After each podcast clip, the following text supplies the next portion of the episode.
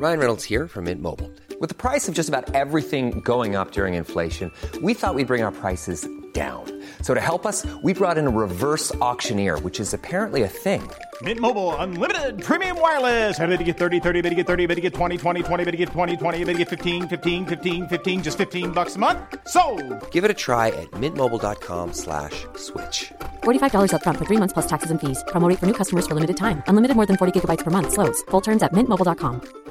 Quality sleep is essential. That's why the Sleep Number Smart Bed is designed for your ever evolving sleep needs. Need a bed that's firmer or softer on either side? Helps you sleep at a comfortable temperature? Sleep Number Smart Beds let you individualize your comfort so you sleep better together. JD Power ranks Sleep Number number 1 in customer satisfaction with mattresses purchased in-store. And now, save 50% on the Sleep Number limited edition Smart Bed for a limited time. For JD Power 2023 award information, visit jdpower.com/awards. Only at a Sleep Number store or sleepnumber.com. Planning for your next trip? Elevate your travel style with Quince. Quince has all the jet setting essentials you'll want for your next getaway, like European linen, premium luggage options, buttery soft Italian leather bags, and so much more. And it's all priced at 50 to 80% less than similar brands. Plus, Quince only works with factories that use safe and ethical manufacturing practices. Pack your bags with high-quality essentials you'll be wearing for vacations to come with Quince. Go to quince.com slash trip for free shipping and 365-day returns. I dag, Katarina, så skal jeg le. Oi! Yes, Nå skal jeg bare mm, hoppe uti det. Nå skal jeg le med lyd. Wow! Betyr det at du har en latter klar? Eh, nei, jeg tenkte jeg skulle mm, kopiere dagens gjest sin latter. For det er en veldig morsom person, og som har en eh, tydelig latter. Men eh, det klarte jeg ikke. Så jeg skal bare prøve å mm, klemme ut et eller annet som minner om en latter, hvert fall. Ja, kan jeg få et lite eksempel på liksom, forsøket på å etterligne den latteren du Nei, det tror jeg ikke vedkommende kommer til å synes var hyggelig. Nei, det synes syns ikke personen er hyggelig. Sånn blir det ikke. Kan jeg, skal- prøve? Ja. Det var mye bedre.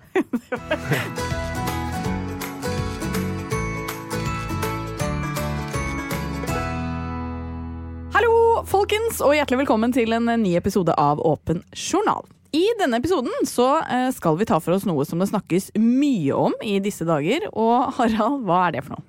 Det er Korona! Hva er den musikken der? Nei, vi får en gjest senere i dag som er veldig morsom og veldig opptatt av sånn uh, lettbeint underholdning. Ja. Og da tenkte jeg jeg skulle også gjøre det. Men eh, det passer seg egentlig ikke, for korona, vi skal snakke om koronaviruset, Ja. ikke den meksikanske ølen. Og mm, det er et veldig alvorlig virus som tar mye liv, så vi må holde det litt seriøst. Ja, men hvor alvorlig det egentlig er, og hva som er eh, sannsynligheten for at eh, det blir et eh, smitteutbrudd i Norge, det skal kanskje du gi oss svaret på i løpet av denne podkasten. Ja, fordi veldig mye informasjon vi får, får vi via medier, og de liker å putte sin egen vinkling på ting, så nå tenkte jeg vi kan ta noen oppklaringer og gi deg noen fun facts. Sånn at du som hørte denne podden, kan gå rundt og være en aldri så liten ekspert på koronaviruset. Ja. Kommer du til å si det sånn Nei, jeg gjør ikke det. Okay. Koronaviruset. Er det korona med lime, eller? Ikke kødd med Nei, Det er en livstruende Ja, er sykdom for veldig mange. Absolutt. Og vi skal ta det på uh, dypeste alvor. Uh, og så, som vi så vidt har nevnt, skal vi få besøk av en som er i vinden om dagen. Jeg elsker at vi er eh, veldig aktuelle, for han er programleder for Maestro på NRK. Driver Norges eh, mest populære podkast, og det er jo da en ære å få gjest av. Mikkel Niva. Ja, Veldig fin fyr. Ja. Morsom fyr. Aktuell fyr. Og han er også bestevennen til en eh, du har begynt å sikle litt etter. Nei, som jeg har jobba med i det siste. Ah, ja. ja. Ah, ja. Ja. Herman Flesvig. Men uh, jeg tror det blir hyggelig. Det tror jeg også blir veldig veldig hyggelig. Jeg har jo et eh, langt roligere liv nå enn eh, det jeg hadde før jul. eh, For jeg har jo tatt permisjon fra studiene, og det er utrolig deilig. Og denne uka så har jeg Dette er veldig lite spennende, men jeg har bl.a. brukt tiden til å rydde i veldig mange skap. Ikke alle skap, for jeg syns det fort blir kjedelig. Men jeg tok Ikke i ekteskapet. Og ikke i regnskapet. Dette gidder vi Nei, det orker vi ikke. Men i klesskapet. Ehm, og det var utrolig deilig. Det er en sånn renselsesprosess. Men det fikk meg til å tenke på uh, da jeg ryddet i skapet sist. For da uh, skulle jeg kvitte meg med en haug med klær. Og tenkte jeg skulle gjøre det på Vestkanttorget i Oslo, hvor du selger liksom brukte klær. Men det, det som skjedde da, gikk jo hardt utover deg. Det er helt riktig. Fordi jeg hadde julen like før du sto på Vestkanttorget, fått et nydelig lammeullsskjerf av min svigermor. Ja. Og så skulle jeg, snill som jeg, hjelpe deg med å rigge opp denne standen på Vestkanttorget. La fra meg lammeullskjerfet før det begynte å bli varmt da jeg sto og skrudde. Og akkurat idet jeg hadde skrudd ferdig og skulle strekke meg etter lammeskjerfet mitt, så så jeg en forsvinne inn i folkemengden med et splitter nytt lammeullskjerf som din mor, min svigermor, hadde solgt for 50 kroner. Fordi jeg er sikker på at veldig mange som hører på, har solgt ting på Finn. ikke sant? Og med en gang man begynner på det kjøret der, så er det så gøy. For at du bare renner inn med penger for ting du egentlig aldri bruker. da. Eh, men eh, problemet var at du, du fikk vel ikke tak i det skjerfet heller? Nei, han forsvant. Jeg løp etter og prøvde å få tak i den. Jeg fikk det ikke. Så jeg er ett lammeullskjerf i minus. Apropos sånn selge ting, så er jo jeg eh, veldig glad i det. Og eh, Eller, jeg er veldig glad i å spare på ting også, men jeg er glad i å tjene penger. Um, og da jeg var mindre, så var jo pappa programleder for Casino. Og det gjorde jo at vi fikk litt premier hjemme, ikke sant. Og de har jo jeg nytt veldig godt av sånn i senere tid, for jeg har jo kunnet selge unna så mye rart. Um, blant annet et solarium har jeg solgt på Finn. Det som er veldig gøy med deg, er når det gjelder sånne ting, så vil jeg også ta opp um, måten du tjener penger på poker på, Ja. som er litt i samme gata. Mm. For det er at når du putter penger inn på pokerkontoen din, så bruker du felleskortet. Ja. Men all gevinst, det tar du ut til ditt eget private kort. ja, men det er fordi jeg har vunnet pengene. Nettopp. Så jeg regner med at de tingene du solgte som din far vant, da tok du pengene selv?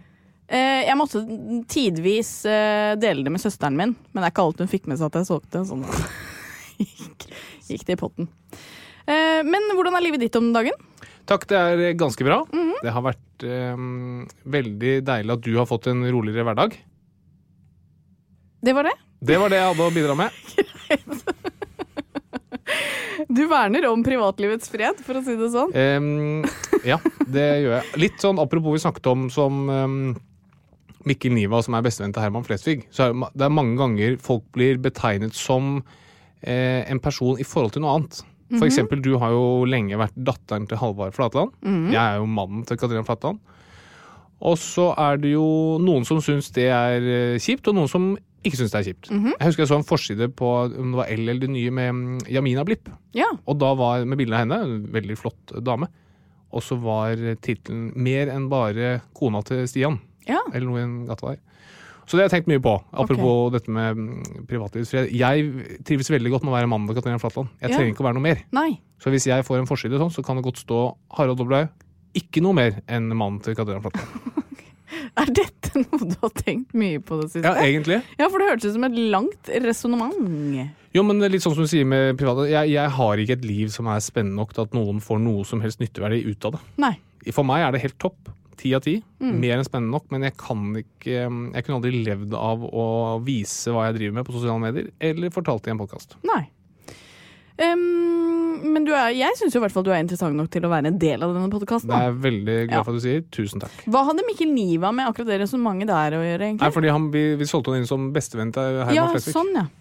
Han er jo mye mer enn det, Han er veldig mye mer enn det. Men jeg er ikke mer enn mannen til Katarina Flatland. og det er jeg glad for. Nå så skal det handle om eh, koronaviruset. Det blir veldig vanskelig å ikke si det sånn, kjenner jeg. Men uh, vi må ha respekt for at dette er Ja. en uh, potensielt farlig sykdom som rammer tusenvis av mennesker. Ja, og potensielt, fordi det er det jeg har lyst til å finne ut av nå. For det er jo et virus som kan føre til alt fra ufarlige tilstander, som forkjølelse, til sykdommer med dødelig utfall. Og viruset det ble jo først oppdaget i en kinesisk by, men nå så er det påvist i flere deler av verden, og dette skaper jo frykt eh, både blant folk, eh, men særlig også pressen, for at vi kan ha en mulig ny pandemi på vei. Aller først, Harald, du må ta oss igjennom og fortelle hva som er spesielt med dette nye koronaviruset.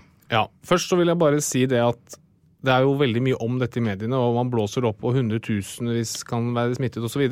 Men jeg er jo lege og går alltid til sikre kilder når jeg formidler informasjon. F.eks. da jeg hørte på P4 i forrige uke, hvor de hadde en ekspert på radioen nemlig medisinstudent Katarina Flatland, som kunne si litt eh, rundt dette her nye viruset. Og jeg har et lite klipp her som jeg gjerne vil spille av for alle lytterne våre. Katarina, når vi nå hører på nyhetene om denne mystiske, dette mystiske lungeviruset som kommer fra Kina, blir du bekymret? Eh, Jeg må jo si at jeg blir ikke spesielt bekymret. Det der er Så Verdens helseorganisasjon er ute og sier at dette kan bli en global pandemi. Men Katarina Flatland ikke ikke spesielt bekymret. Det der må jeg bare forsvare meg, fordi jeg var der for å snakke om eh, Idol-premiere, og så sier de du, eh, siden du er her og er medisinstudent, så stiller vi dette spørsmålet. Og jeg ble jo litt tatt på senga. Eh, og det er jo litt som på en måte det som er hemskoen med å være lege eller legestudent, føler jeg, at man får ofte liksom veldig vanskelige spørsmål stilt til seg, og så må man ta stilling til det. Ja, Og skyte fra hofta. Ja, Fortest mulig. Der tok jeg Jeg, jeg, rota meg inn i et resonnement der òg, skjønner du. Ja, du gjorde det. Det er faktisk klippet litt, grann, for du Ja. var selvfølgelig i kjent stil innom alt mulig annet uh, som du faktisk kan noe om. seg. Yes. Men, men det jeg sa, var vel at eh, jeg tror at det er mest farlig for de som allerede har et lavt immunforsvar. Men det kan vi komme litt tilbake til om faktisk stemmer. Men fortell oss da hva som er spesielt med nye viruset. Så koronavirus det er bare en type virus, og det finnes mange typer koronavirus. Og det er et av de vanligste forkjølelsesvirusene, for eksempel, så mange av oss er borti koronavirus eh, stadig vekk, uten at det er spesielt skummelt. da. Det som er skummelt med dette viruset her, er at det er et nytt virus, en ny type koronavirus som vi ikke har sett før, og som vi tidligere trodde bare smittet mellom dyr. Og når det kommer et virus som vi ikke tidligere har sett, så vet vi at det har skjedd en mutasjon. da. Viruset har plutselig endret seg til å bli mye mer skummelt, mye mer farlig. Det er det som har skjedd, og i tillegg så gir dette viruset en ganske alvorlig sykdom med eh, lungebetennelse. Som potensielt kan være ganske farlig. Ja, men det, det kan gi lungebetennelse, men det kan også bare gi en mild forkjølelse. Ja. Eh, Hva er det som på en måte avgjør om du får det ene eller det andre? Vi vet ikke det helt eh, enda, men det vi vet er at eh, de som har dødd og blitt alvorlig syke, det er stort sett folk som har hatt en grunnlidelse i bånn. I tillegg så er det ofte sånn, vi vet ikke om det gjelder dette viruset her, men at hvor syk du blir avhenger litt av hvor mye virus du utsettes for. da. Så Hvis du får bare en bitte liten mengde, så kan det være at du får lette symptomer. Mens hvis du får en mye større mengde virus i kroppen din, så blir du sykere. Men hvordan er det du kan få dette viruset inn i kroppen? da? Jeg, mener du har hørt, som du også sier, at det egentlig bare var dyr som kunne smitte hverandre. Ja, så eh, det vi har sett nå er at dette viruset kan også smitte mellom mennesker. Det er et veldig viktig og kritisk punkt. da. Fordi noen ganger så hender det at virus smitter fra dyr til mennesker. Det er ikke så farlig. Det som er farlig, er hvis det da kan smitte mellom mennesker, for da sprer smitten seg veldig, veldig mye fortere. Det det ser ut til, er at dette viruset her smitter på samme måte som andre koronavirus, med dråpesmitte. Og det er at når vi hoster eller nyser, så sender vi ut masse små dråper fra kroppen som inneholder masse små viruspartikler. Da får du det ut fra en person og inn i en annen person. Enten at du puster inn partikler som andre nyser eller hoster ut, eller at en som hoster eller nyser, gjør dette i hendene sine, Ta på et dørhåndtak, så tar du der, og så får du det inn i luftveiene på et eller annet vis. Um, og hva er symptomene da på at du kan ha fått dette viruset i deg? Det som de aller fleste har, det er feber, og så går det derfra over i mer alvorlige symptomer. Noen har bare halsvondt og snue og hoste, mens folk eh, som blir mer hardt rammet, kan få respirasjonssvikt av det. At de rett og slett, eh, for å si det enkelt, ikke klarer å puste lenger. Og da eh, er jo det alle lurer på, egentlig. eh, hvor på en måte farlig er dette viruset? Hvor dødelig er det? Ja, det ser heldigvis ikke ut til å være veldig, veldig dødelig. Um, mange husker, eller i hvert fall nå begynner å bli minnet på den SARS-epidemien som um, var på tidlig 2000-tall. Det var også et koronavirus. Det hadde en mortalitet eller en dødelighet på rundt 15% Det er veldig veldig høyt. da. Som betyr at 1 av 15, unnskyld, 15 altså ca. 1 av 7 som blir smittet, de dør. Dette ser foreløpig ut, dette er veldig veldig tidlig, ut som at det har en dødelighet på rundt 2 da. Som betyr at 1 av 50 som blir smittet, dør av det. Så det er mye mye høyere enn f.eks. influensa, men da igjen langt lavere enn sånn som SARS. Ja, ikke sant. Ja, fordi det er jo i familien med SARS og MERS, er det vel heter. Ja. Um, og det er jo på en måte virus som har skremt folk veldig. Uh, er det på en måte grunn til å være redd? Ja, det er for så vidt det. Altså, mm, eh, det som er fint med at når man blir redd, er at man begynner å ta forhåndsregler. Og det er gjerne sånn man får stoppet disse virusene, ved at mange nok tar de nødvendige forhåndsreglene. Det man er redd for med denne typen virus, er at de kan mutere igjen. Altså sånn som det koronavirus sånn som det er nå, ser ikke ut til å være veldig veldig dødelig. Men hvis du nå får en ny endring som gjør det mer dødelig, det ville vært veldig veldig skummelt. da. Det er veldig skummelt hvis det skjer på et tidspunkt hvor man ikke har iverksatt tiltak for å begrense smitten av det. Men det som også er veldig skummelt, er jo at eh, man frykter at det skal bli en pandemi. ikke sant? At det skal spre seg til eh, store deler av verden. Hva skal egentlig til for at det blir det? Det som må til, er bare at du ikke får isolert viruset nok. Nå Folk reiser overalt. De tar hverandre i hendene, de kysser og kliner og hoster og nyser overalt. Sånn at det er veldig gode forutsetninger for å smitte hverandre med denne type mm, virus. Hvis du ikke får isolert viruset, altså ikke stoppet smitten, da blir det en pandemi. Så enkelt kan man si da. Det er derfor man har iverksatt tiltak som reiseforbud inn og ut av eh, enkelte land. Men øhm, til historien så hører det jo øh, med forferdelige pandemier som spanskesyken og svartedauden. Um, og det sies jo nå at man ikke tror at dette viruset er så dødelig. Men hvor raskt kan man egentlig si noe om dødeligheten til et virus? Ja, det endrer seg stadig vekk. da. Det går mye raskere nå enn det gjorde for 15-20 år siden, altså under SARS-epidemien. Og nå har man eh, mye bedre kommunikasjon, det er mye lettere for folk å snakke sammen. Og sånn som Verdens helseorganisasjon er så på vakt her at de vil veldig tidlig komme i kontakt med syke som behandler denne type pasienter. Altså, Så du kan ganske fort få et inntrykk av dette her. Vi vet jo at det er så og så mange tusen som er registrert smittede. Av de vet vi at så og så mange har dødd, og så kan du beregne ut ifra det. da. Så igjen, for å komme litt tilbake til hvor farlig det er. Jeg ville ikke vært redd for å få det selv. Altså Jeg ville vært redd fordi det er alltid uvisshet, men sånn som det ser ut nå, så ville det ikke påvirket ellers friske mennesker i så stor grad at det er fare for liv. Nei. Men fins det egentlig noen behandling for dette viruset? Det finnes ingen spesifikk behandling mot dette viruset, men det finnes uspesifikk behandling. Og det betyr at én ting du kan få av dette viruset, er sjokk. da, At blodtrykket faller, for å si det enkelt. Da kan vi gi behandling som hever blodtrykket igjen. Så det er en uspesifikk behandling. Vi har ingenting som eh, angriper viruset spesifikt. Nei. Det man har og kan utvikle mot denne type virus, er jo vaksiner. Men vi har f.eks. ingen vaksiner mot SARS heller. Eh, man er jo selvfølgelig veldig interessert i å høre eh, om dette kommer til Norge. Hvor stor er egentlig sannsynligheten for at det smitter helt hit? Det klarer jeg ikke å fortelle deg, men eh, SARS smittet jo ikke til Norge. Jeg tror ikke det smittet til Skandinavia i det hele tatt. Så jeg, jeg tror sjansen er ganske liten. Igjen, det, det er nok ganske enkelt å regne på det. Se hvor mange er det som flytter seg fra mm, Wuhan til hit og dit, og hvor mange av de er det som ender opp i Norge. Og så regner, bruker en statistikk på det. da. Men folk vinner i Lotto. Lynet slår ned der det slår ned. Det kan alltids skje. Men jeg ville ikke vært veldig bekymret om det kommer noen tilfeller i Norge, fordi vi har såpass gode tiltak for isolasjon og smittebegrensning. Mm så er det jo sånn at Nå så påvises det ikke lenger noen SARS-tilfeller. Hva er egentlig grunnen til at en epidemi sånn som SARS, og kanskje da koronaviruset, stopper, til tross for at man ikke har noen behandling? Em, det er særlig to ting som skjer. da. Enten så er det at viruset plutselig endrer seg, så det ikke blir smittsomt. Virus de kan endre seg hele tiden. Det er det som gjør at de plutselig kan smitte fra dyr til mennesker, og plutselig kan smitte mellom mennesker. Så det kan endre seg, sånn at det ikke lenger er like smittsomt mellom mennesker. Det andre er det at du, det opparbeides etter hvert en uh, immunitet blant befolkningen. Altså Man kan se for seg at veldig mange mennesker eksponeres for en liten del av viruset, som gjør at de ikke får en sykdom som de erkjenner, men kanskje blir bare litt eh, pjuske en dag eller to. Og da klarer kroppen å opparbeide seg et forsvar mot eh, dette viruset. Sånn at neste gang de blir eksponert for noen som er ordentlig syke, så får ikke de sykdommen. Og da får de ikke smittet videre. Så SARS er jo også eh, forårsaket av et virus som fins blant dyr. Så man ser for seg at det kommer til å komme nye tilfeller av dette her, da. Men du og jeg var jo på bryllupsreise i Japan og Kina på samme tid som nå i fjor. Ja. Eh, Og jeg må jo si det at eh, hvis vi skulle ut og reise nå, så tror jeg jeg hadde vært veldig skeptisk til å reise. Eh, Men det er vel til tross for at reiserådene enn så lenge sier at du fortsatt kan dra?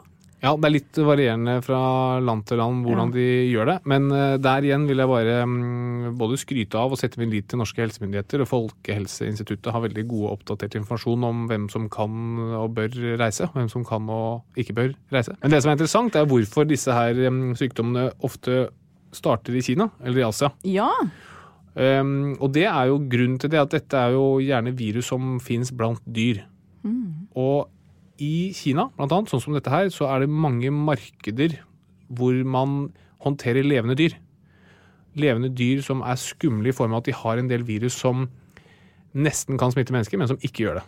Og når du da har masse levende dyr som har disse virusene i seg, og du har masse mennesker i nærheten, så kan man tenke seg at noen av disse virusene klarer å hoppe over på mennesker, og så endre seg til å klare å begynne å smitte mennesker.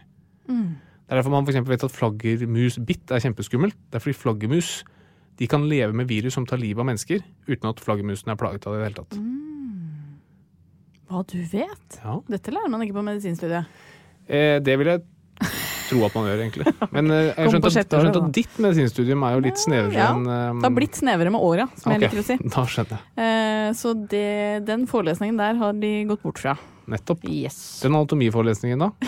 Den, eh, den er på to do-lista Skjønner. i 2020 for meg. Nei, men Strålende. Da har vi blitt litt eh, klokere på korona. Nå holdt vi nesten på å si det samtidig. Det hadde vært veldig Det kleint. har vært veldig kleint. Ja, det var bra du trakk deg. Takk. Vil du si det, du? Da håper jeg dere alle er opplyste om den alvorlige og potensielt pandemiske sykdommen forårsaket av koronavirus. Koronavirus. Skal vi prøve å si det samtidig?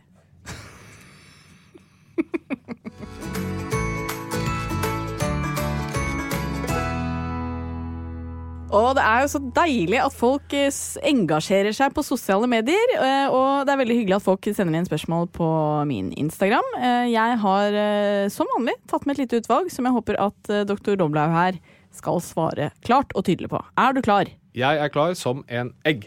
Det første spørsmålet er noe jeg syns er et genialt spørsmål. Det er noe jeg har tenkt på selv, men aldri tenkt på å spørre om. Er du klar?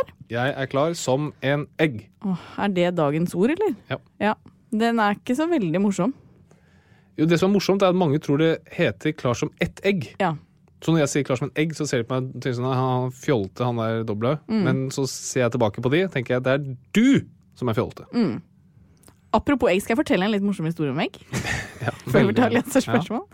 Men denne er, denne er litt vond nå, da.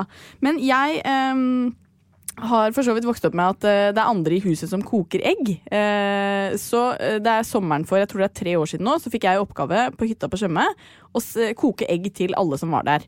Og da skulle liksom mamma hardkokt, pappa bløtkokt, og det var liksom forskjellig. Min strategi da, som aldri før har kokt egg til så mange, er jo i litt sånn vill panikk at jeg begynner å skrive navn på hvert egg. Yes. Jeg skriver mamma på ett, pappa på ett, Harald på ett, Bettina på et annet. Legger eggene oppi, og da selvfølgelig etter sånn seks-sju minutter så skal jo de som er bløtkokt opp. Eh, da har jo tusjen gått bort, og det som da skjer, er at jeg skjønner ikke hvilket egg jeg skal ta opp. Fordi mammas, mammas egg er borte. Og jeg skjønner ikke da at jeg kan ta opp et hvilket som helst egg. For det vil være bløtkokt. Er, den, er, den er vond å stå i. Da var jeg 27 år, altså. Ja, det er eh, litt som min gode venn eh, Michael som skulle ha vanntett klokke. Men det var bare vanntett til 50 meter, og det syns han var litt dumt, for når han svømmer, så svømmer han alltid lenger enn 50 meter.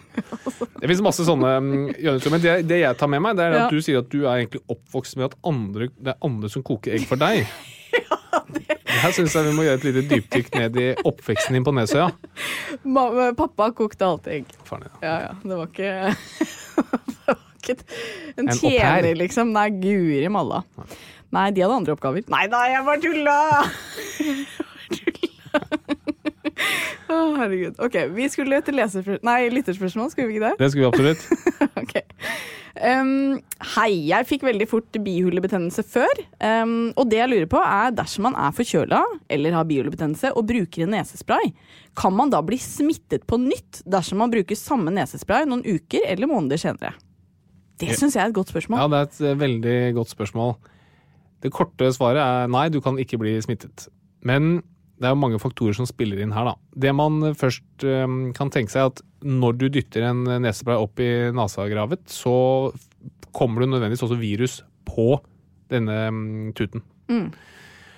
Eh, Disse virusene overlever typisk bare noen timer til noen døgn utenfor kroppen. da. Sånn at selv om det kommer masse virus på tuten, så vil de dø. Når det er sagt, når man blir forkjølet, så utsettes du for minst ett forkjølelsesvirus. Altså minst én type forkjølelsesvirus. Det viruset blir du faktisk immun mot. For alltid? Eh, ja, altså immunitet har jo en tendens til å avta litt eh, hvis ikke du blir utsatt for det samme igjen. Men i utgangspunktet, ja. Problemet med forkjølelse er det at det finnes så mange forskjellige virus. Mm. Sånn at det alltid er en ny type, da. Ja. Men eh, hvis, hvis dette viruset hadde overlevd på tuten så lenge, og du kjører den opp igjen i nesa. nesa jeg, jeg syns det er veldig vanskelig at du bruker ordene tuten og kjøre opp. Altså. Jeg vet ikke, Det er bare er problematisk for meg. altså, vi, har, vi har klart oss så langt ut i poden uten noe griseri, og så skal du Ja, men Må du si 'kjører den opp', liksom? Hva skal jeg si, da? Ja, Fører den den elegant inn? Nei, men stikker den. Stikker den liker jeg bedre. Ok. Vær så god. Hvis du stikker tuten på nesesprayen opp i nesen, Yes, det var bedre. og det fortsatt er virus som lever der, så er du i utgangspunktet immun mot det, akkurat den type virus. Hvis viruset fortsatt lever på tuten. Ja, Og det, det gjør det ikke, sånn at det er derfor jeg sier det korte svaret er nei. Så bra. Mm. Men det syns jeg var deilig å avklare. Ja. Um, vi kjører videre, eller stikker videre, som jeg ville sagt det. Nei, jeg ville sagt kjøre, faktisk. Hei. Harald var tidligere inne på dette i en annen episode, nemlig panikken som kan begynne dersom man blir tynnere i håret for oss gutta. Jeg har bikket 31 og merker at det begynner å bli litt tynnere på toppen. Eh, og Harald nevnte at man kan begynne på noe dersom det skjer. Hva da? Ja. Hårtap er noe som affiserer ganske mange. Og det finnes masse forskjellige grunner til det. Så min generelle oppfordring er å ta en tur til legen og så se at det ikke er noe eksem i hodebunnen eller andre årsaker til, um, til at du mister håret ditt. Det som tar de fleste menn, det er rett og slett bare en sånn genetisk variant hvor um, håret trekker seg tilbake, vikene blir større og man får måne. Da finnes det i praksis to forskjellige behandlinger. En er lokalbehandling med sånn sjampo-variant, som er ganske effektiv. Hva heter den, da? Eh, Recrea Forte, tror jeg det heter. Eh, det er den sjampoen. Veldig enkelt å finne, eller spørre på apoteket eller google. eh, men så finnes det også tabletter man kan bruke, som ikke Altså et virkestoff som heter finasterid. Og det er ikke registrert som et middel mot hårtap i Norge, men det er det mange steder i utlandet. Men vi har akkurat samme virkestoff i en annen dosering som vi bruker ved prostatabesvær hos menn. Oh, ja. Det kan man bruke. Det er også veldig effektivt på en del former for hårtap. da. Men vil man, øh, altså, vil man klusse med prostataen, da? Ikke sant? Det som er en sånn tradisjonell legerolle, det er det at man sitter og vet veldig mye mer enn alle andre. Man kan mye mer om risiko enn alle andre, og man tar veldig mange beslutninger på vegne av andre, eller på vegne av pasienten. da. Og Det er også litt sånn norsk holdning at nei, hårtap det er fysiologisk, altså det er helt naturlig, det skal vi ikke medisinere. Der må jeg bare si at jeg er helt uenig. Der tenker jeg at der må man få lov til å velge selv. Man må si at du, vi har en medisin, den kan øhm, gjøre litt med prostata, men veldig sjelden. Den kan redusere evnen til ereksjon, også sjelden. Men jeg kan gi håret tilbake. Og da syns jeg man som pasient skal få lov til å velge om man vil ta den risikoen eller ikke. Så det man kan gjøre i Norge, man kan øh, snakke litt med legen om det. Og det de kan gjøre i noen tilfeller, er å skrive ut denne, dette middelet mot prostata, og så bare deler man opp pillen. Ja, lurt.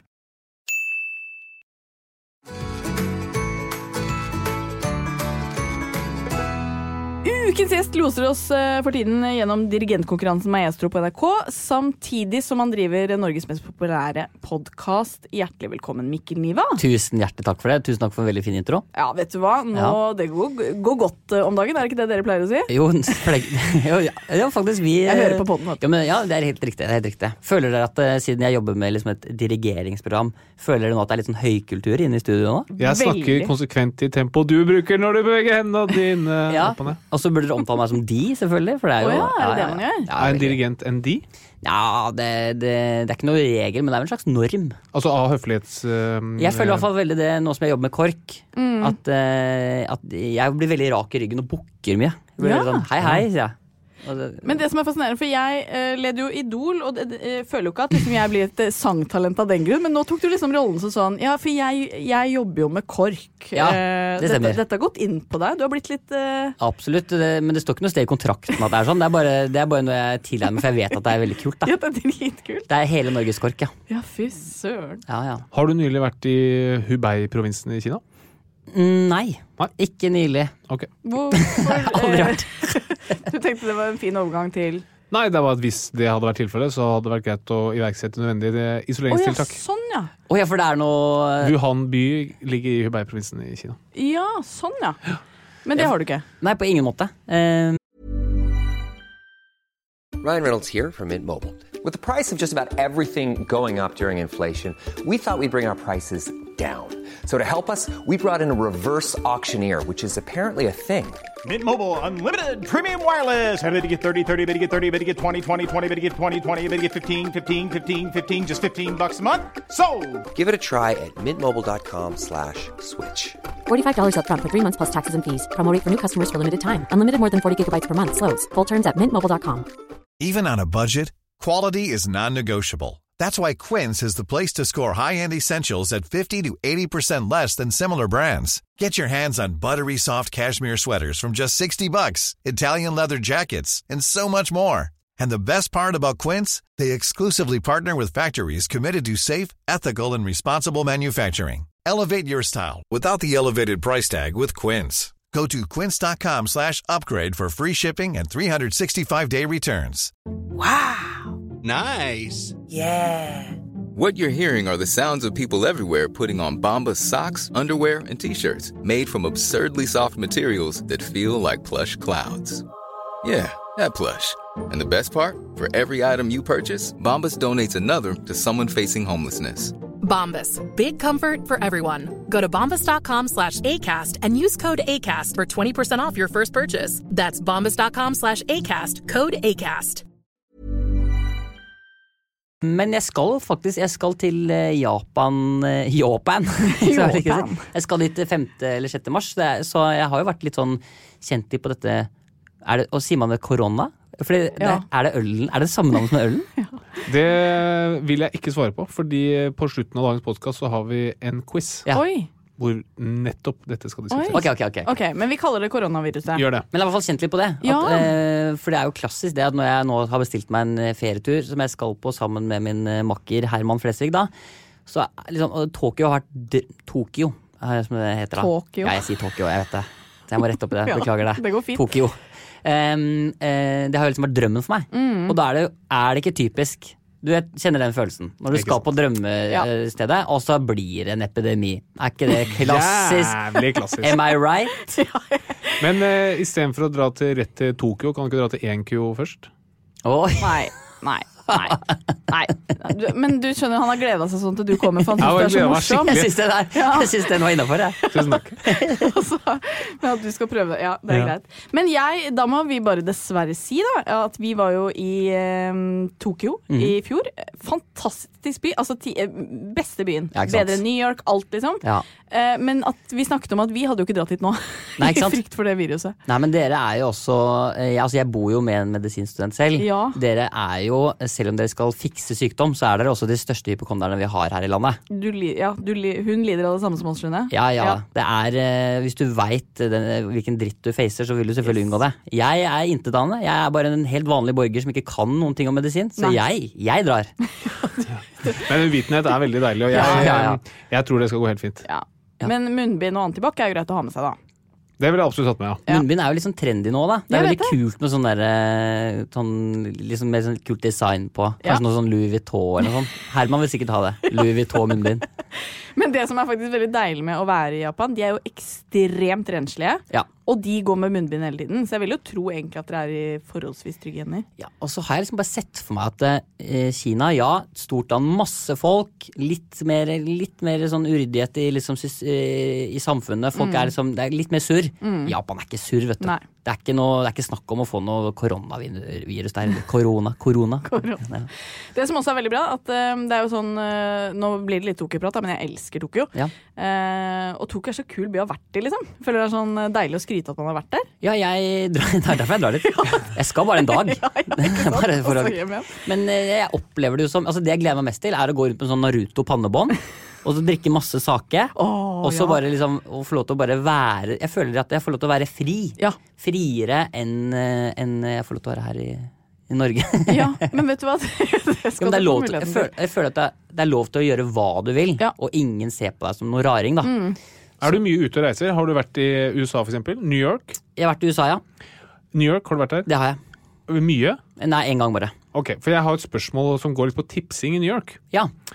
Fordi jeg var i New York eh, sammen med min kone, som også sitter i dette rommet, eh, for noen uker siden, og feiret eh, det de kaller New Year's Eve. Ja. Som vi kaller nyttårsaften. Nyttårsaften, ja. ja. Og da var vi ute og spiste. Og I New York er det en veldig sånn tipsete by.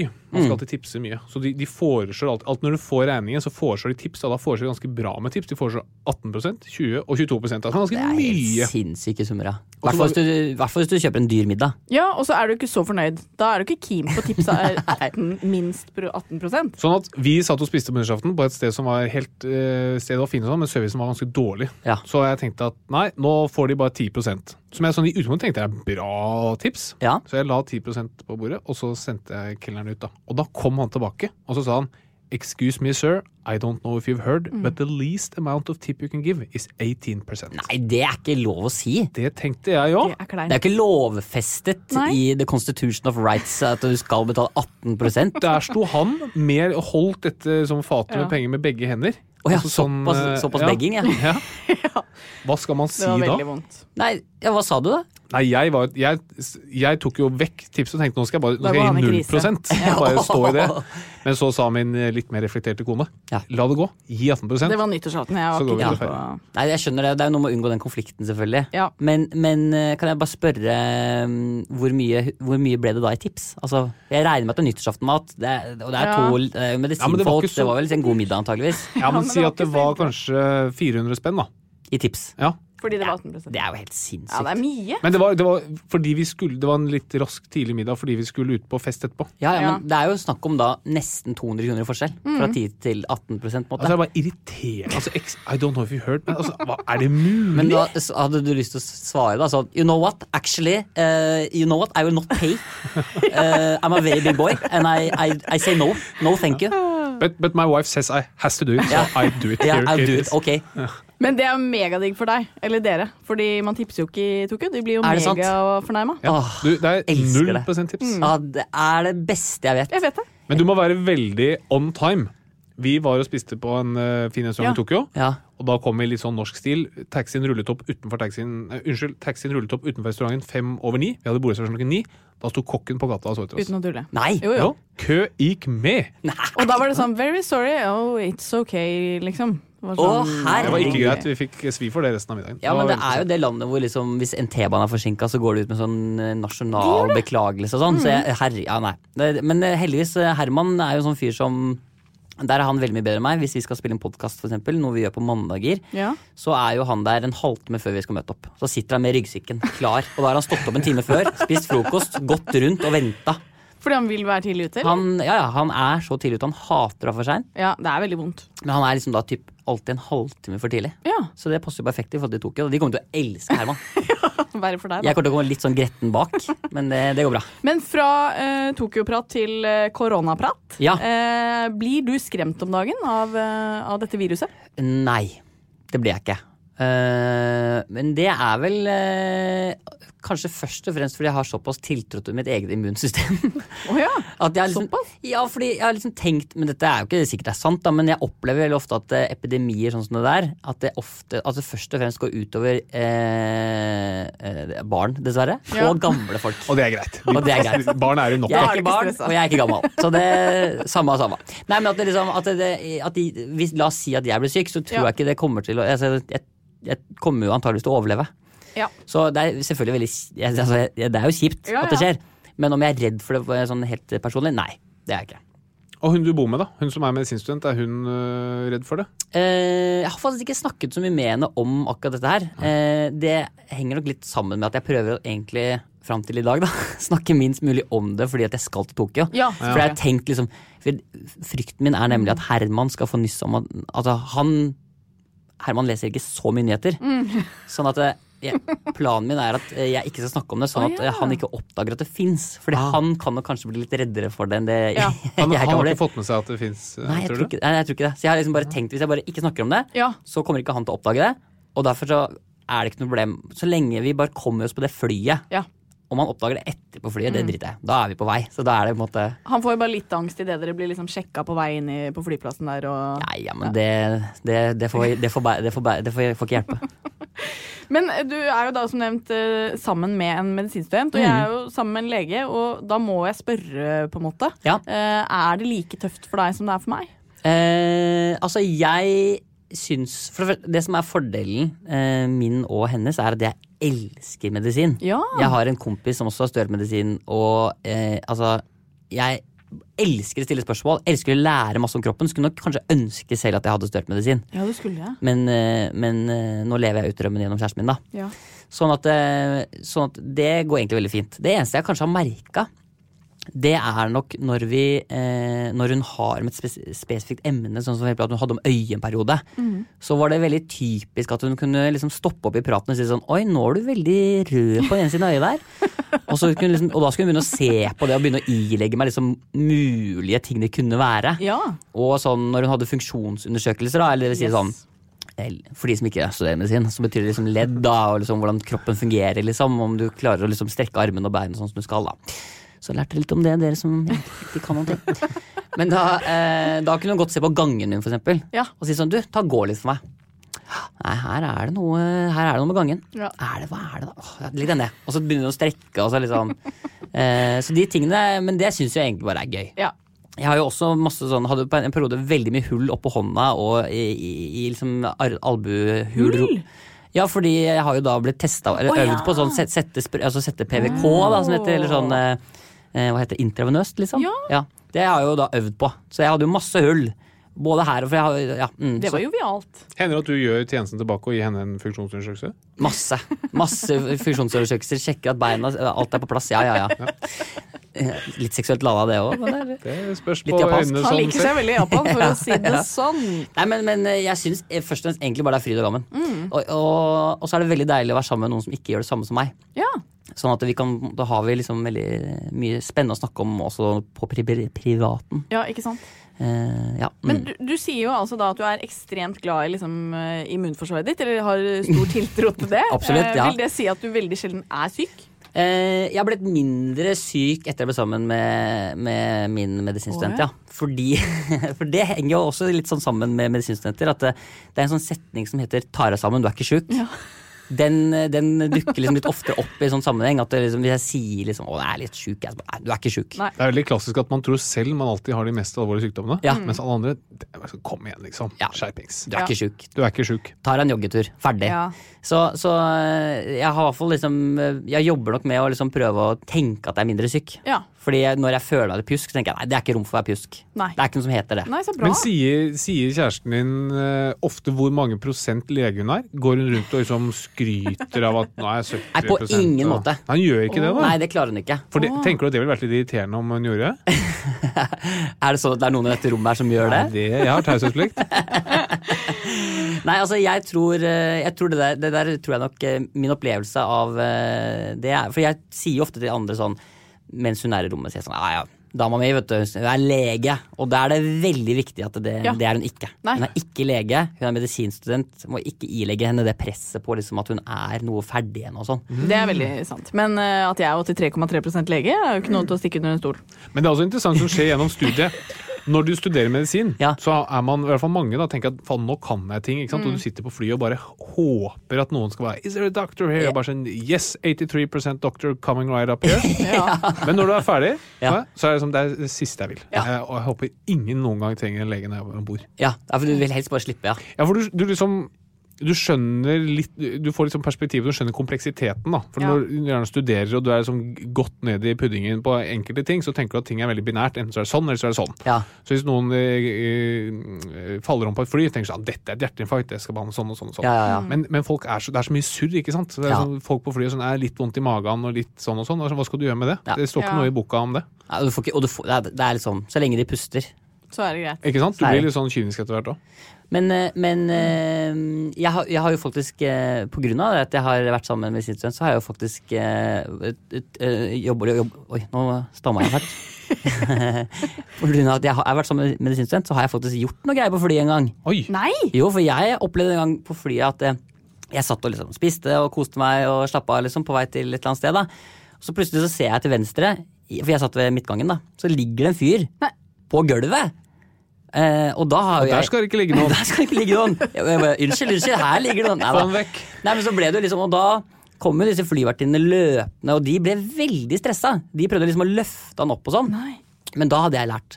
Eh, Så før de kom, da, så hadde jeg eh, først hadde jeg tatt knoken på liksom kassa. Fordi, eller først så våkna han ikke. Han var liksom ikke bevisst. han våkna ikke.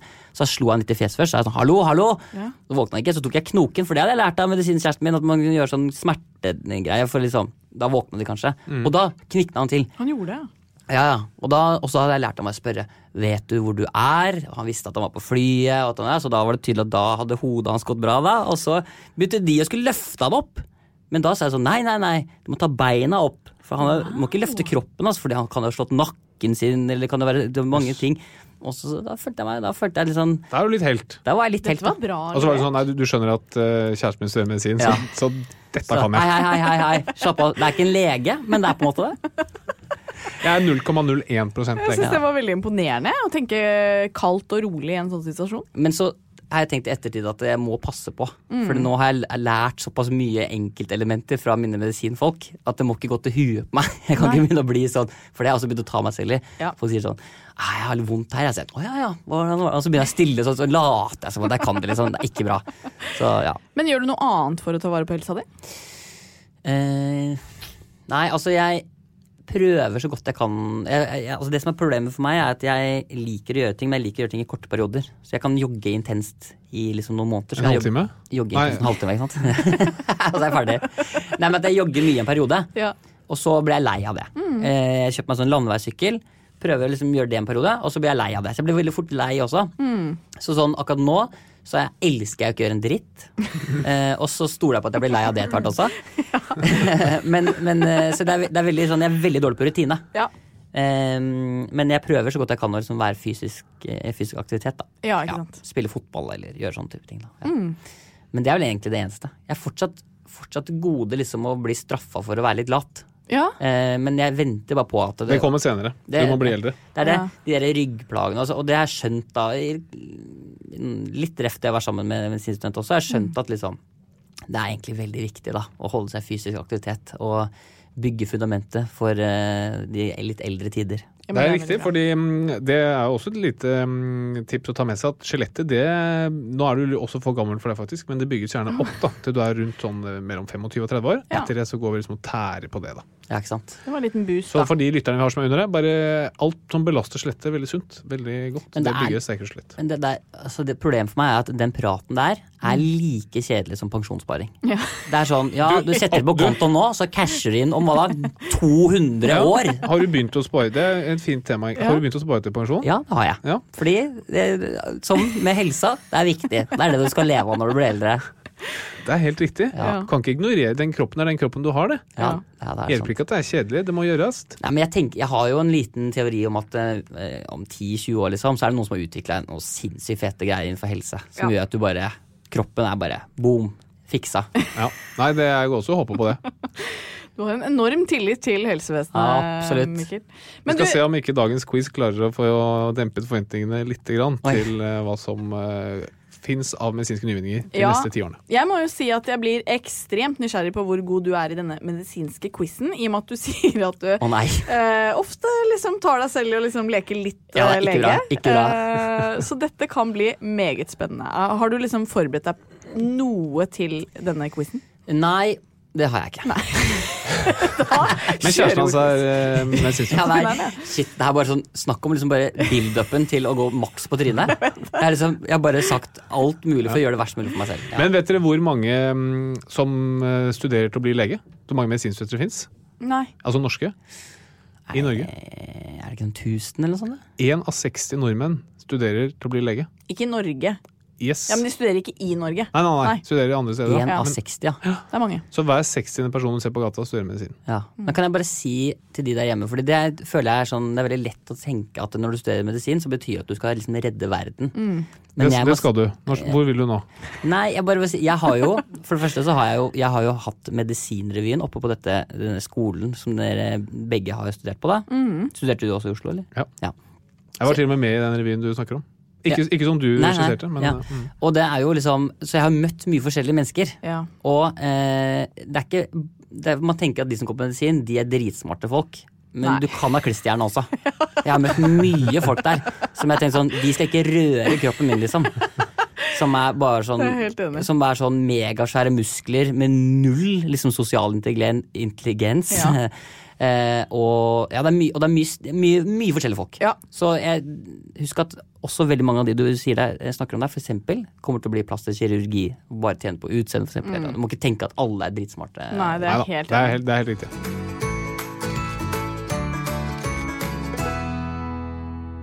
Så håper dere begge gleder dere veldig til eh, dagens quiz, som er om et relevant tema, nemlig koronavirus. Oi. jeg gruer meg, jeg. Jeg gruer meg. Som vi har vært litt inne på, så er det lett å blande mm, eh, koronavirus med andre ting. Mm. Derfor så er første spørsmål som følger. Hva er det viktig å gjøre hvis du bestiller en korona når du er i Mexico? Start Oi. med deg, Mikkel. Oi, hva er det som er viktig å gjøre da? Mm. Er det noe eget sånn hvis ikke så kapper jeg deg hånda eller noe sånt? Det er sikkert. Eh, Bukke. For det gjør du veldig mye på jobb om dagen. Ja, for det gjør mye på jobb om dagen. Ja, men at du må vise respekt og bukke, og så si eh, una, una cerveza, por favor. Ok, Katarina? Eh, ja, jeg ville sagt uh, una cerveza eh, con lime. Ok. Å ja. Du må bestille med lime, ikke sant? Ja. For det kommer det ikke med der. Riktig svar er at du må bare si, du må presisere at du mener ølen, og ikke viruset. For det er samme navn i Ah, ja, ok. Så det var Å, et sånn, herregud. det var et Ja, sånn det er type en spørsmål. tullequiz. Neste spørsmål. Ble dette sagt, altså at du må huske å presisere at du vil ha en um, øl og ikke viruset når du bestiller en koronavirus, ble det sagt av lederen for Verdens helseorganisasjon, doktor Tedros Adhanom Ghebreyesus? Eh, Er det et konkurranse med meg og Katarina nå? Ja. Kan jeg svare først, da? Det kan du få lov til. Nei, det ble ikke klart. Katarina? Jeg går for nei. Det er riktig, han sa ikke det. Fy fader. Neste spørsmål. poeng begge to, da. Det gjorde det. Neste spørsmål. Heter han virkelig Tedros Adhanom Ghebreyesus? Mm, ja, det gjør han. Da sier jeg nei. Eh, han heter det. Nei! Poeng til Mikkel. Å, fy fader. Jeg hadde tenkt å si ja. Ja, ikke sant? Medisinstudiet. Jeg har Det lært masse. det. Merker Det hjelper det. Gevinsten i dag må deles med din kjæreste Ja. hvis du vinner. Det er greit. Er det tilfeldig at koronaviruset heter det samme som dette kjente meksikanske ølet? Mikkel Lima. Eh, Ja, det er tilfeldig. Katarina. Ja, det er tilfeldig. Eh, Svaret er at nei, det er ikke tilfeldig. Er det sant? Men de har ikke noe med hverandre å gjøre. Men begge henspeiler på korona, som betyr krone. Åh. Øl er oppkalt etter en krone et eller annet sted i religionen, altså en krone på en eller annen. Ja. Mens viruset, det er rett og slett fordi at hvis du forstørrer det veldig, veldig mye, eller ser på det gjennom et elektronmikroskop, så ser det ut som en krone. Nei. Oi. Ja, men da har du lært noe. Yes. Ok. Neste spørsmål. Hva er flertallsformen for ordet virus? Altså ett virus, flere Virus. Uh, å, herregud. Uh, å, dette er jo et medisinsk spørsmål. Du sier virus, Ja. og du står ved det. Ett virus, flere virus. Ja, ja. Ja, det ser jeg altså. For- Det hørtes veldig riktig ut når du sa det sånn. Ett virus, flere virus. Altså Dere har for så vidt uh, rett, fordi det, det, det går an å si det. Men Ja. liksom den hva som vi kaller korrekte eller originale måten å si det på, hva er det? Det forventer jeg av deg, Katrina Å, ja, for det fins et Eh, eget eh, Ok, skjønner. Man sier ett virus, flere Virulenter. Herregud. Eh, ok, du tok virulenter. Ja. Et virus, flere eh, vi, vira, virasser. Det er sånn ja, eh, Det er nesten vira. Flere vira. Ja, det Flere visste jeg! Men det skrives med E på slutten, til og med! Nei, det gjør det ikke. Jo, det, Er det sant? Gjør det ikke? Det gjør ikke det. jo, det gjør det vel! Det liker jeg. Jo! Nei, altså, hvis, nei, AE vira, det må være en sånn bestemt form av noe slag, da. At det er fransk virin. Vira. Ja, på, på på latin så skrives det viræ. Ja, men ikke i beste, ikke entall. Nei, altså, men nå Mamma og pappa, kan du slutte å krangle? Takk for meg. Hun skyter også i hofta. Å, herregud. Men det ble, han fikk ikke poeng, han heller. eh, eh, han fikk ikke noe færre poeng enn deg, Nei. for å si det sånn. men det fikk jeg kanskje null begge to. Det kan jeg leve med. Ok, Når du hoster og eller nyser, hvor langt ut fra kroppen sender du da disse viraene? Eh, åh, jeg er frista til å si to meter. Men kanskje fem. Fem meter. Katarina? 18 meter. Oi, satan. Nei, men Det er sikkert åtte meter. da. Å Opp til åtte nei! meter. Det er du Opp til åtte. Ja, men eh, ikke 88. Men da er du nærmest. Så da får jeg poeng, eller? Du får poeng for den. Ja, for det var den som var nærmest. Helt riktig. Konge, ass. 18 meter var Herregud, så dumt. Ja. Det var litt langt. Men du er bare 88 Ja. da. Husk det. Du er ikke 100. Så. Akkurat de meterne kommer de siste Ja, 12 det, er, om, øh, det er liksom bare siste, liksom. Ja, de siste der har fem jeg ikke kommet studiepoengene. ennå, så det, det er ikke min feil. Em, Hvor lenge lever et koronavirus utenfor kroppen? Oi. Katarina først. Oi, Um, Det vil jeg tro at er Altså, eh, de, som jeg pleier å si, uh, jeg resonnerer litt, de trenger jo en levende organisme for å Viraene, leve. viraene. Ja, virae. Eh, Så det vil jeg tro at uh, er Hva trenger de for å leve, sa du? De trenger en levende organisme for å formere seg. Ja. Så Nei, nå rota jeg meg inn i noe greier. Nei, ikke, hvorfor mister du selvtillit Nei, jeg mista selvtilliten fordi det har gått så dårlig i quizen så Altså, langt. du må huske at jeg er mye dårligere enn deg. Ja. Så dette Det Det tror jeg stemmer. er, det er ikke riktig. Er Jeg ikke sier, jeg sier åtte timer. Ok. Ja. Eh, ja, du må jo ha en levende organisme for å, eller for å overleve. Eh, så jeg også er jo frista til da. jeg, gir det jeg gir det 24 timer, jeg. Ok, Jeg tror ikke at det er nærmest. Det er typisk noen timer, da. Ja da! Ja, fader, altså. Ja da! Fader. Hvorfor har man lime i koronaen? Katarina Flatland. Oh, det tror jeg er fordi eh, man må liksom eh, Det er et eller annet med sukkeret i koronaen. Man skal liksom syle mot sukker eller noe sånt. Syle okay. mot søtt. Ja, Fordi man følger det gamle meksikanske prinsippet om syrlig mot søtt? Ja. Bra. Mikkel? Mm. Eh, nei, da må jeg bare prøve å gå for noe annet, da. Eh, det er fordi at eh, Det er for at det skal være lettere å, å svelge. Det er for å holde fluene unna flasken. Ja. Den hadde jeg egentlig Det er på en måte det jeg mener òg, for hvis du ikke hadde hatt dem, så hadde det vært vanskelig å svelge pga. alle fluene. Ok. Så jeg er jo på en måte innpå noe Snuser på et poeng her. Ja, ja, det er ikke dumt. Siste spørsmål. Ok. Anbefaler kinesiske helsemyndigheter at man har med en lime på inneren, sånn at man er forberedt hvis man får koronavirus? Nei, det gjør du ikke. Nei, selvfølgelig gjør du ikke det. Nei, det gjør ikke det. Nei, det gjør ikke det, nei. Men hvem vant quizen? Det var Mikkel Niva. Nei! Jo. Ja, men ble det ikke uavgjort, egentlig? Ja, men vet du hva du får? Du Ja. får ikke en korona, men du får en Pepsi Max med lime. Ja, perfekt. Vær så god. det gjør jo at alle fluene holder seg unna. At det er nærme den. Yes. Og den er jo litt eh, lunken, som du kjenner. Jo, men det går bra. Det går bra, fordi jeg har kjøleskap hjemme. Så i disse epidemi-pandemitider så får dere et helsetips som kanskje oppfattes kjedelig, men som kanskje kan redde nettopp ditt liv når du hører på. Og det er rett og slett tips som gjelder å begrense spredningen av koronavirus.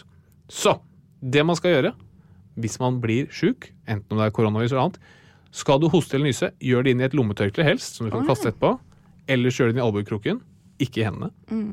Nummer to, vask hendene flere ganger om dagen i lunkent vann med såpe.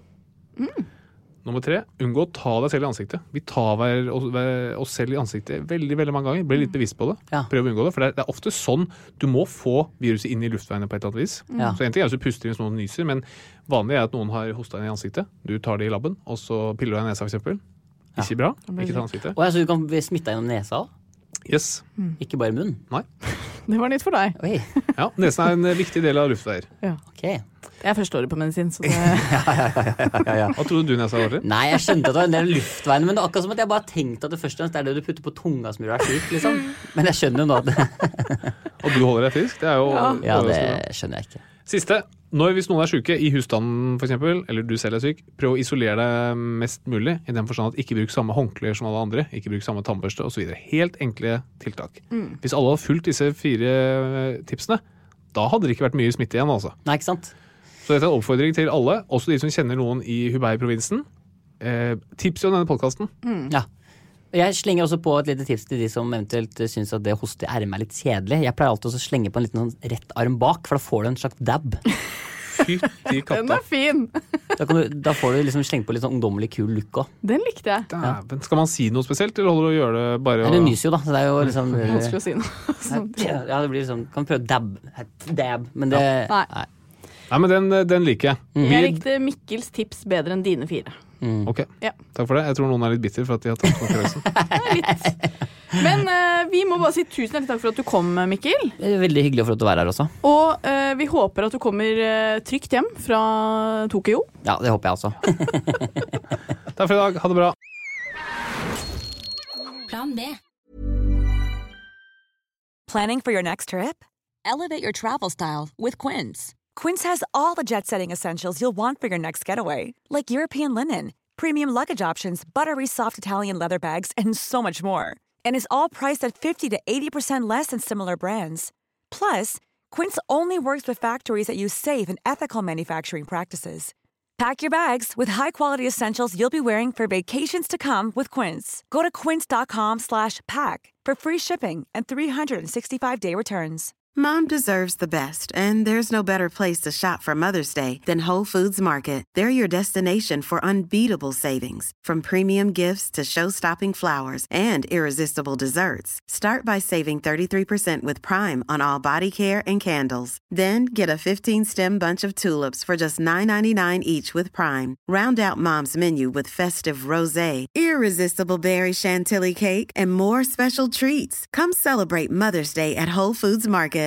Imagine the softest sheets you've ever felt. Now imagine them getting even softer over time. That's what you'll feel with Bowl and Branch's organic cotton sheets. In a recent customer survey, 96% replied that Bowl and Branch sheets get softer with every wash. Start getting your best night's sleep in these sheets that get softer and softer for years to come. Try their sheets with a 30-night guarantee. Plus, get 15% off your first order at bowlandbranch.com. Code BUTTERY. Exclusions apply. See site for details.